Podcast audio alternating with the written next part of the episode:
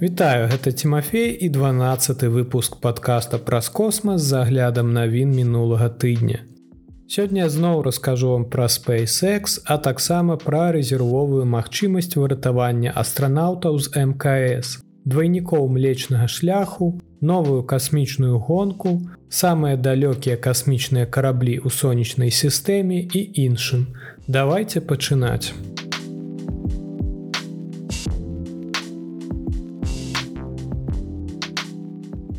SpaceX запустила 114 спадарожнікаў і здзейсніла пасадку ракета ў сваім знамінальным 200 палёце. Раніцай 3 студзеня са станцыі касмічных сіл на мысе канаверал у Флорыдзе стартавала ракета SpaceX Falалcon 9, якая вывела на арбіту 114 спадарожнікаў. Гэта другі па велічыні касмічны карабель калі-небудзь запущены ў рамках адной місіі.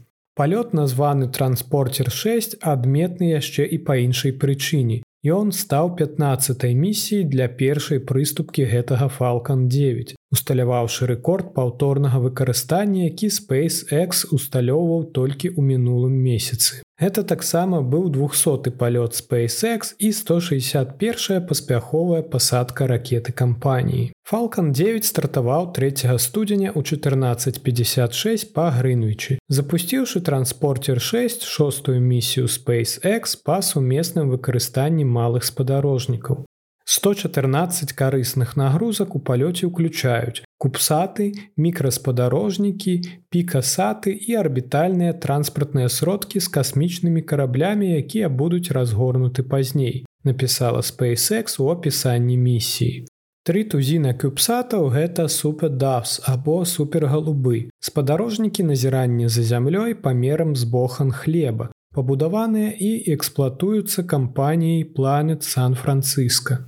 Сярод шматлікіх спадарожнікаў, якія паляцелі на транспортер 66 караблёў, якія будуць эксплуатавацца касмічнай аналітычнай кампаніяй Спая Global з Верджыніі, а таксама iOS сад 1, першы касмічны карабель у групоўцы сямі спадарожнікаў, якія будуць арыентаваны на сельскую гаспадарку. Сетка сямі спадарожнікаў будзе мець назву iOSDA і будзе цалкам запущена да 2025 года, калі ўсё пойдзе па плане. Сетка будзе вывучаць сельскагаспадарчыя угоддзі і лясы па ўсім свеце. Пад словах прадстаўнікоў кампаніі дадзеныя дапамогуць кліентам адсочваць рост і здароўе сельскагаспадарчых культур.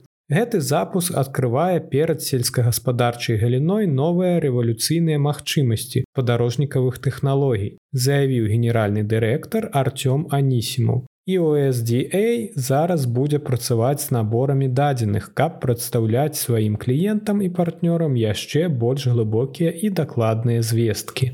Прыкладна праз две з паловай хвіліны пасля старту дзве прыступкі Falалcon 9 падзяліліся і першая прыступка пачала вяртацца на зямлю. Гэта падарожжа дадому скончылася праз 6 хвілін, калі ракета носьбіт паспяхова прызямлілася на мысе канаверал. SpaceX выкарыстоўвала першую прыступку Falалcon 9 раней для розных палётаў. Яна запустила 10 розных спадарожнікаў інтэрнэт-місіі Starlink, а таксама місію кампаній Транспортер 2 па сумесным выкарыстанні транспартных сродкаў і іншыя камерцыйныя спадарожнікавыя рэйсы. Тым часам верхняя прыступка Falалcon 9 працягвала паднімаць мноства карысных грузаў у неба. Першы са 114 спадарожнікаў быў разгорнуты прыкладна праз 58 з паловай хвілін пасля запуску. Апошні і ОССад1 аддзелены ад ракеты прыкладна праз яшчэ 33 хвіліны быў развернуты праз 91 хвіліну пасля старту. SpaceX планавала разгарнуць спадарожнікі транспортер 6 у 82 асобных разгортваннях. Але кампанія заявіла, што не можа адразу пацвердзіць, што кожны з гэтых дзеянняў меў месца. Мы змаглі пацвердзіць 77 з 82 разгортванняў, сказаў падчас прамога эфіру інжынер па эксплуатацыі SpaceX. Паколькі касмічныя караблі ў гэтай місіі ўяўляюць сабой невялікія спадарожнікі і паколькі некаторыя з іх разгортваюцца ў непасрэднай блізасці ад іншых, нам цяжка пацвердзіць разгортванне ў рэжыме рэальнага часу. Ён дадаў, што SpaceX будзе дзяліцца навінамі аб любых пакінутых разгортваннях праз свае каналы ў сацыяльных сетках. Якім бы паспяховым не быў запуск транспортер 6, місія па-ранейшаму моцна адстае ад рэкорду па колькасці запушчаных спадарожнікаў. Гэтую адзнаку утрымлівае транспортер 1 SpaceX, якая ў студзені 2021 года адправіла на арбіту 143 спадарожнікі. Вялікія ракеты такія як Falалcon 9 і індыйская PCLV, якая ў 2017 годзе запусціла 104 касмічныя апараты за адну місію, не адзіны варыянт для аператараў малых спадарожнікаў. Яны таксама могуць выбраць спецыяльныя паездкі на арбіту на невялікіх транспартных сродках, такіх як электрон от Rocket Lab ці Launcher One з паветраным запускам от Virgin Orbit.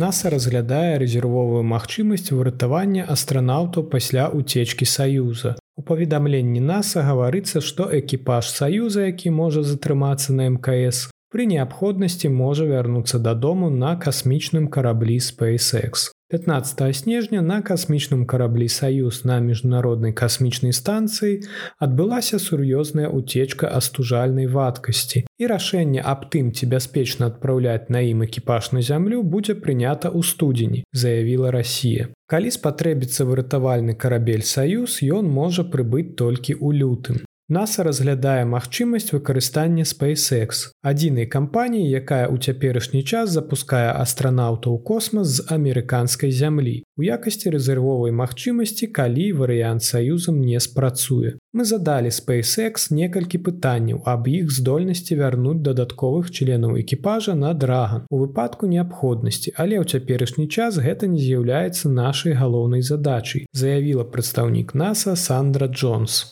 NASA не ўдакладніла, якія варыянты са SpaceX могуць быць магчымыя. Напрыклад, ці можа кампанія запусціць рэзервовы касмічны карабель Крю Драган, каб забраць экіпаж, або дадаць больш месцаў да існуючага драгана пад назвай Эндевар, прыстакаванага да касмічнай станцыі. Усе месцы на эндевары намінальна занятыя, бо ў пачатку 2023 года ён павінен даставіць дадому экіпаж 5. У тым ліку двух астранаўтаў NASAа, аднаго японскага астранаўта і аднаго касманаўта Роскосмасу. У склад экіпажа пацярпелага карабля Саюз пад назвай МС22 уваходзяць два расійскія касманаўты, а таксама адзін астранаўт NASAа кожны з якіх прыбыў у космас у расійскім скафандры сокол. Звычайна SpaceX запускае толькі членаў экіпажа, якія апранутыя ў скафандры SpaceX. Як будзе вырашацца гэтая праблема у справаздачы таксама не разглядаецца. Прычына уцечкі на саюзе МС22 пакуль не ўстаноўлена. Прычына уцечкі на саюз МС22 пакуль не ўстаноўлена, але яна магла адбыцца з-за касмічнага смецця або мікраметэарыта, які не ўдалося адсачыць за малых памераў. Сканаванне саюза показала дзірку ў радыятары звонку. Экіпаж мкс знаходзіцца ў бяспецы, але ўзнікае неспакой, што калі экіпажу давядзецца эвакуявацца па якой-небудзь прычыне, то магчыма, што трое чалавек не змогуць бяспечна вярнуцца дадому.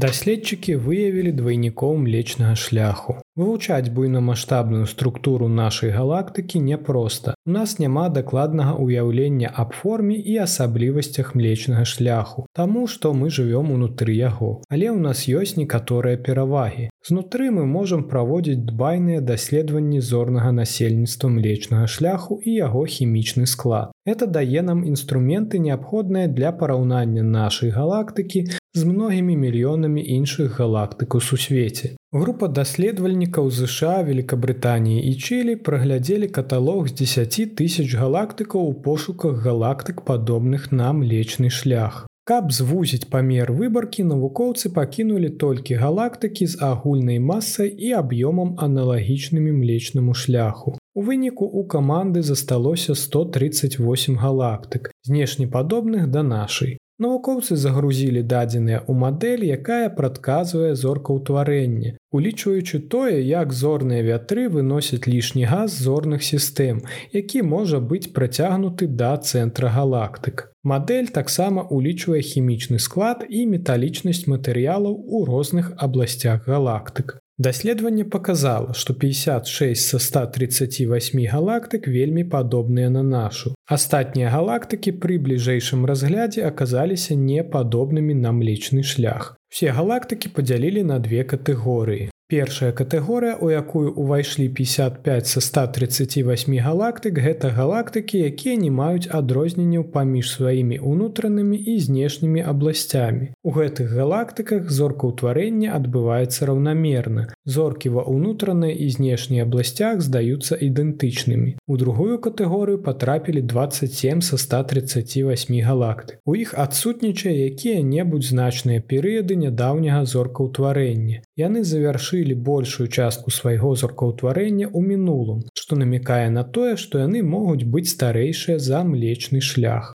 Навукоўцы таксама прапануюць іншае магчымае тлумачэнне наяўнасць актыўнага галактычнага ядра, якое можа не дазваляць зоркаўтварэнню ва ўнутраных абласцях галактык. Гэтае даследаванне адкрывае мноства новых магчымасцяў для вывучэння галактычнай эвалюцыі. Яно паказвае, што мы не зусім унікальныя. Вывучэнне гэтых двайнікоў можа дапамагчы нам даведацца больш аб нашым уласным доме.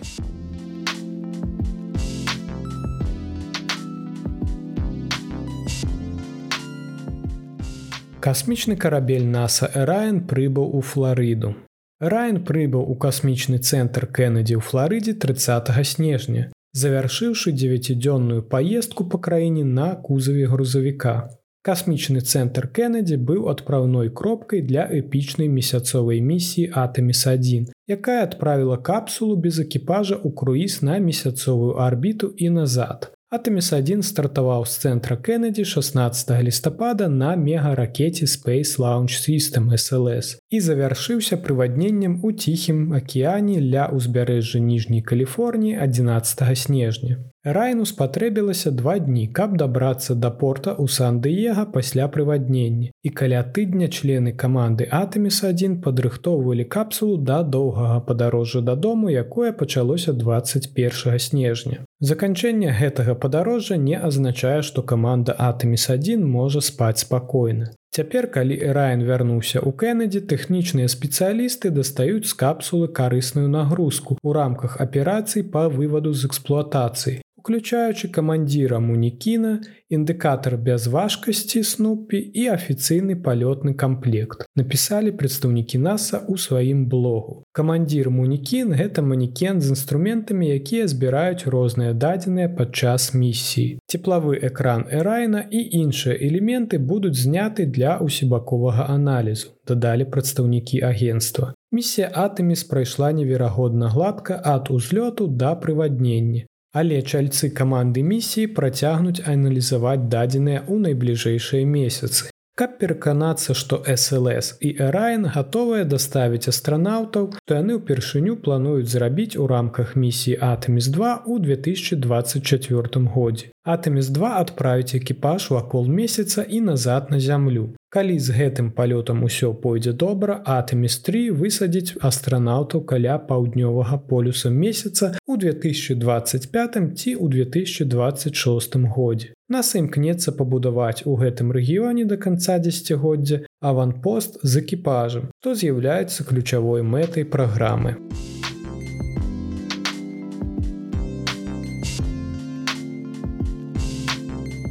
Але не толькі NASAа мае планы на гэты рэгіён месяца. Кітай выбірае месца для будаўніцтва месячнай даследчай станцыі. Тай плануе стварэнне паўнацэннай месячнай даследчай станцыі. Адзін з першых крокаў у гэтым працэсе высветліць, дзе яе лепш размясціць. Група навукоўцаў правяла даследаванне і прайшла да высновы, што лепшым рашэннем стане паўднёвы полюс месяца. Кітайскія навукоўцы ўлічваюць навуковыя і інжынерныя абмежаванні. У інжынерных абмежаваннях ацэньваецца асвятлённасць участка, яго агульны нахіл і лёгкасць, з якой даследнікі могуць атрымаць доступ да іншых частак месяцовага ландшафту. Навуковыя абмежаванні разглядаюць наяўнасць вадзянога лёду, багацце вадароду і тэмпературу. Такім чынам паўднёвы полюс здаецца ідэальным месцам, улічваючы адносную плоскасць паверхні і пастаянную тэмпературу ў зацянённых абласцях некаторых з яго кратараў. Гэтыя кратары таксама хутчэй за ўсё утрымліваюць змёрзлую ваду, доступ да якой з'яўляецца прыярытэтным для любой сталай базы. Там жа размешчаны адзін з найстарэйшых басейнаў на месяцы паўднёвы полюс Эйткін. На мноства пытанняў аб раннім фармаванні месяца і сонечнай сістэмы можна было адказаць, вывучыўшы ў ім глебу. Для далейшага вывучэння рэгіёну Кітай збіраецца адправіць групу роботаў-даследчыкаў, прыцягнуўшы праграму Чань Э. Плануецца, што Чань Э6 даставіць узор грунту з паўднёвага полюса, а Чань Э7 забяспечыць усебаковае абследаванне паўднёвага палярнага рэгіёну. Ачань Э8 будзе служыць місіі па праверцы тэхналогій, якія будуць жыццёва важныя пры будаўніцтве месячнай базы. У канцы праграмы кітайскае нацыянальнае касмічнае кіраванне будзе мець дастатковую інфармацыю для рэалізацыі свайго плана па запуску месяцовай даследчай станцыі.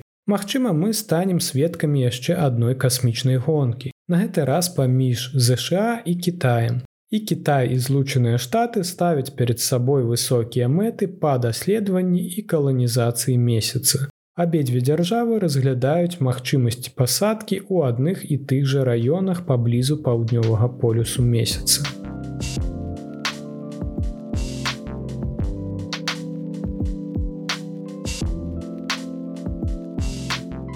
Дзе зараз самыя далёкія касмічныя караблі ў сонечнай сістэме.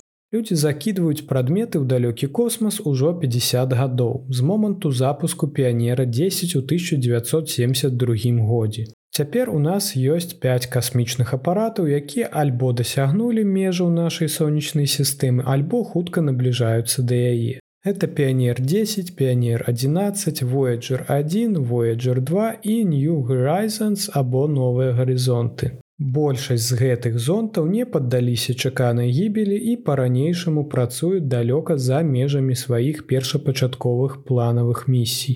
Гэтыя касмічныя караблі першапачаткова планаваліся для даследавання суседніх з намі планет. Але зараз яны пракладваюць шлях за межы сонечнай сістэмы, падаючы астраномам унікальныя кропкі агляду ў космосе. І ў 2022 годзе яны шмат чаго дасягнулі. Падрабязней пра першы і другі Voyager. Летась місіі Voyager адзначылі асаблівую хадавіну 45 гадоў працы. Гэтыя два касмічныя караблі ўнеслі вялікі ўклад у разуменне астраномамі сонечнай сістэмы, пачынаючы з блізкіх аблётаў знешніх планет і заканчваючы даследаваннем самых далёкіх куткоў космасу. Цяпер іх асноўны праект заключаецца ў тым, каб даследаваць, дзе заканчваецца ўплыў сонца і пачынаецца ўплыў іншых зорак. Voyager 1 перасёк гелія паўзу ў 2012 годзе. Мяжу, на якой сонечны поток часціц перастае быць найбольш важным фактарам. А Voyager 2 рушыў услед за ім у 2018 годзе. Voyager 1 знаходзіцца ў міжзоркавай прасторы ўжо 10 гадоў і ён усё яшчэ працуе усё яшчэ працуе сказала Лінда спілкер навуковец проекта Voyager Мне здаецца і сказала яна гэта з такой жа інтанацыяй. Летасць у каманды місіі здарыўся адзін сур'ёзны збой. Калі касмічны карабель пачаў адпраўляць дадому няправільную інфармацыю аб сваім месцазнаходжанні Інжынеры знайшлі прычыну. Касмічны карабель выкарыстаў неіспраўнае камп'ютарнае абсталяванне, калі гэта не трэба было рабіць і аднавілі працу. Аднак падобных інцыдэнтаў варта чакаць ад старога касмічнага карабля. Каманда таксама актыўна кіруе сілкаваннем на борце кожнага касмічнага карабля. З кожным годам энергіі становіцца ўсё менш па меры таго, як радыактыўныя генератары зондаў становяцца ўсё больш неэфектыўнымі. Камеры былі адключаны дзесяцігоддзя таму, але іншыя інструменты касмічных караблёў збіраюць дадзеныя аб плазме і магнітных палях сонца на вялікай адлегласці ад самой зоркі. Паколькі часціцам сонечнага ветра патрабуецца час, каб прайсці такі доўгі шлях, выдаленыя назіранні дазваляюць навукоўцам убачыць, як змены, якія адбываюцца на сонцы, распаўсюджваюцца па ўсім нашым касмічным асяроддзі. Краі сонечнай сістэмы таксама былі поўныя сюрпрызаў. Цалкам лагічна, што плазма ад сонца становіцца больш разрэджанай і расплываецца па меры выдалення ад цэнтра сонечнай сістэмы. Але на самой справе вояджеры сутыкнуліся са значна больш шчыльнай плазмай пасля перасячэння геліапаўзы. Астраномы да гэтага часу збянтэжаныя гэтым. Гэта так дзіўна, што нават праз столькі часу мы працягваем назіраць уплыў сонца ў міжзоркавай прасторы, сказала спілкер. Я з нецярпеннем чакаю і спадзяюся, што вояджеры сустрэнуць сваё 50годдзя ў працоўным стане. Піянер 10 і 11 касмічныя караблі піянер займаюць асаблівае месца ў гісторыі космасу з-за сваёй ролі, як вы ўжо здагадаліся першаадкрывальнікаў. На жаль, гэтыя знакавыя касмічныя апараты 50гадовой даўніны не працуюць. Піянер 10 страціў сувязь яшчэ ў 2003 годзе, а піянер 11 захоўвае маўчанне з моманту свайго апошняга кантакту ў 1995 годзе. Але абодва гэтыя касмічныя караблі знакі прысутнасці чалавецтва ў сонечнай сістэме.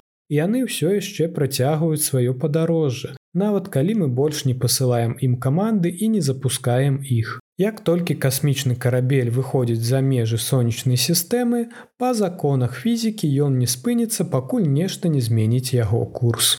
New Horizons або новыя гарызонты. Гэта самая малодшая з гэтых наватарскіх місій, запущенная ў 2006 годзе. Пасля завяршэння свайго знакамітага аблёту карлікавай планеты Плутону 2015 годзе гэты зон з рэкорднай хуткасцю выдаляецца ад сонечнай сістэмы і павінен дасягнуць геліапаўзы прыкладна ў 2040 годзе. Ён не толькі выканаў сваю асноўную місію, але і паспяхова завяршыў аблёт меншага аб'екту пояса койпера ракота ў 2019 годзе у якасці сваёй першай пашыранай місіі. Раней касмічны карабель быў пераведзены ў рэжым гібернацыі, паколькі пашыраная місія яшчэ не была прынята. Зараз ён рухаецца ў другую сваю пашыраную місію і будзе знаходзіцца ў спячцы да першага сакавіка 2023 года. Тым часам каманда місіі рыхтуецца да новых захапляльных назіранняў з перадавымі інструментамі значна больш дасканалымі, чым тыя, што былі на вояджерах у 1970-х годах. Каманда гатова выкарыстоўваць новыя гарызонты ў якасці магутнай абсерваторыі ў далёкай сонечнай сістэме, забяспечваючы пункт гледжання, якога мы не можам дасягнуць тут на зямлі. На шчасце для новых гарызонтаў прыкметы паказваюць на тое, што касмічны карабель будзе мець дастатковую магутнасць, каб пратрымацца да 2040х гадоў і, магчыма, даўжэй. Кожны год прасоўваючыся на 480 мільёнаў кіламетраў далей у нязведаную тэрыторыю.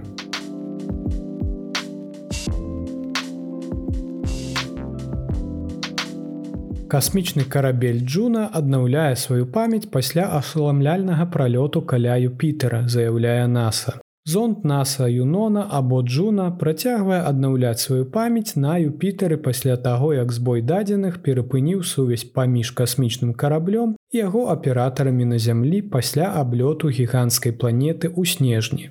Апошні пралёт касмічнага карабля Джуна над Юпітерам і яго 47е збліжэнне з планетай было завершана 14 снежня. Пасля гэтага зонт мог згубіць дадзеныя. Каманда паспяхова перезагрузіла камп'ютар Джуна і 17 снежня перавяла касмічны карабель у бяспечны рэжым, у якім у якасці меры засцярогі працавалі толькі асноўныя сістэмы. Па дадзеных NASAа ад 22 снежня Крокі, зробленыя камандай для аднаўлення навуковых дадзеных юноны, прывялі да выпраўлення сітуацыі. Аператары юноны паспяхова пачалі перадаваць дадзеныя. Навуковыя дадзеныя апошняга пралёта касмічнага карабля на сонечнай энергіі вакол Юпітера і яго спадарожніка Іо відаць не пашкоджаны, гаворыцца ў паведамленні NASAа. У цяперашні час лічыцца, што спыненне было выклікана тым, што Юнона праляцела праз інтэнсіўнае выпраменьванне часткі магнітасферы Юпітера.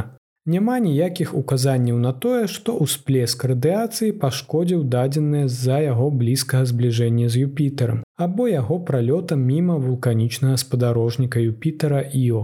Чакаецца, што астатнія дадзеныя апошняга пралёта Джуна будуць перададзены на зямлю ў бліжэйшыя некалькі дзён, пасля чаго аператары змогуць ацаніць, ці не пацярпелі яны з-за збою.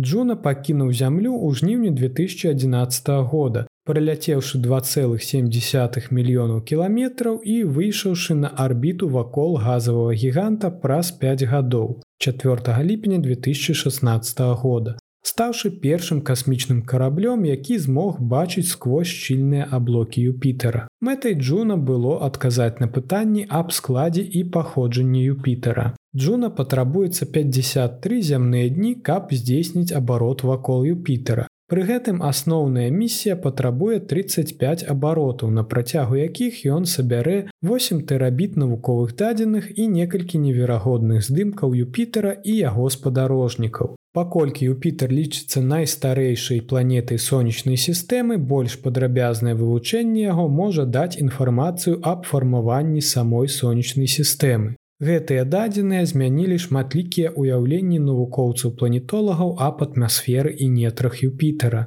Адкрыўшы атмасферны пагодны пласт, які распрасціраецца далёка за межы яго вадзяных аблокаў, а таксама глыбокую ўнутраную частку з разбаўленым ядром з цяжкіх металаў. Па дадзеных планетарнай супольнасці асноўныя місіі касмічнага карабля завершыліся ў ліпені. І чакаецца, што Джуна працягне свае пашыреныя навуковыя аперацыі як мінімум да 2025 года. І яшчэ чакаецца, што на гэтым тыдні касмічны карабель выйдзе з бяспечнага рэжыму і зробіць наступны аблёт Юпітера 22 студзеня 2023 года.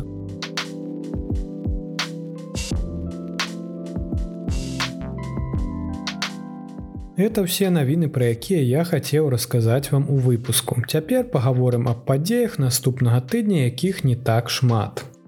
12 студзеня адбудзецца перегелей каметы Сі 2022 і 3 ZTF.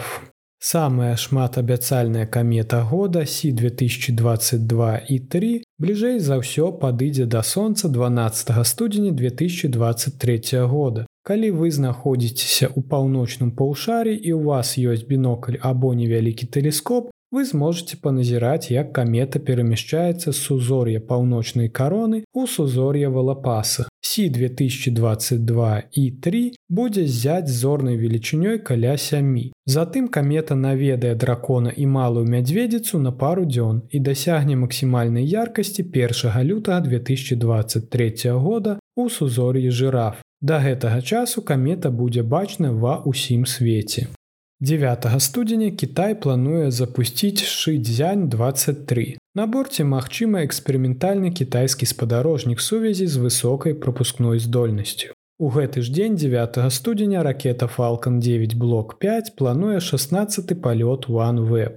OneWeb гэта сузор'е спадарожнікаў для высокахуткаснага інтэрнэту. Пачатковая групоўка складаецца з 648 спадарожнікаў. Пазней сузор'е можа быць пашырена да больш за 900 спадарожнікаў. Чакаецца, што OneWeb прадставіць глобальнае кругласутачнае абслугоўванне ў 2023 годзе. А следам за ім 10 студзеня SpaceX запусціць партыю спадарожнікаў Starlin для сваёй высокахуткаснай інтэрнэт-групоўкі на нізкай калязямной арбіце.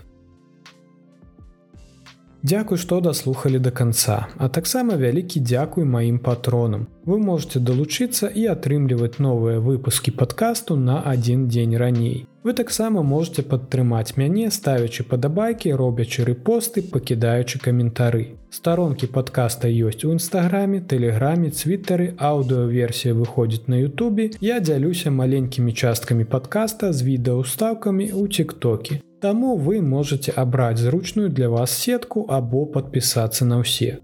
Да пабачэння пачуемся на наступным тыдні.